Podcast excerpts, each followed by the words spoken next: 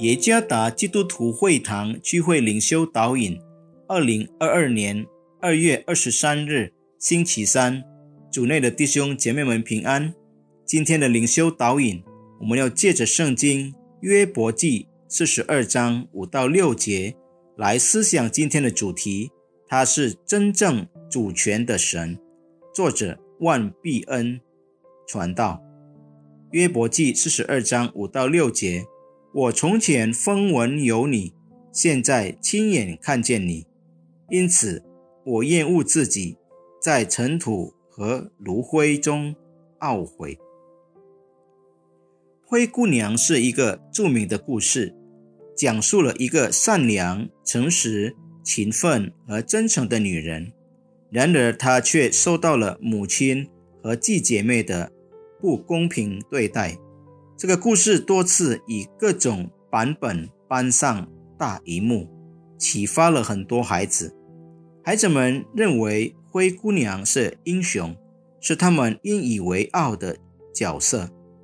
令人惊讶的是，虽然灰姑娘的生活充满不公平的对待，但这个角色仍然受到孩子们的喜爱。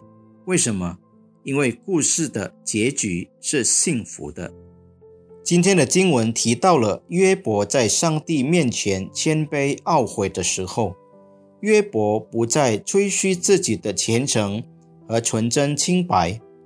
在前面的章节中，约伯觉得他不该经历挣扎和痛苦。约伯觉得自己过着公义和正直的生活。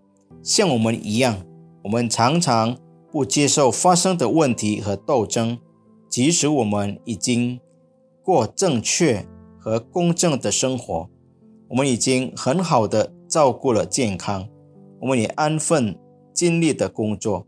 我们认为这一切都不会带来问题和挣扎。的确，由于上帝的恩典，我们能够过虔诚和正义的过活。所以，无论人的生活多么虔诚，在神面前还是要承认他的圣洁和主权。这是约伯康复的第一步。他承认，只有上帝才是真实无误的，并且主宰一切。让我们学习基督的生活，在他的一生中，他是真正的虔诚和正义。但耶稣从不觉得不当受苦和死在十字架上。我们呢？当我们仍然觉得自己不该经历这一生的挣扎和困难时，这意味着我们还没有与现状和解。我们觉得环境有问题，包括我们周围的人都是原因。当这开始从内部侵蚀我们时，请仰望基督，他在被钉死在十字架上时，并没有责备任何人。了解基督的挣扎和苦难，确实使我们成为能够与环境和睦的人。愿上帝赐福弟兄姐妹们。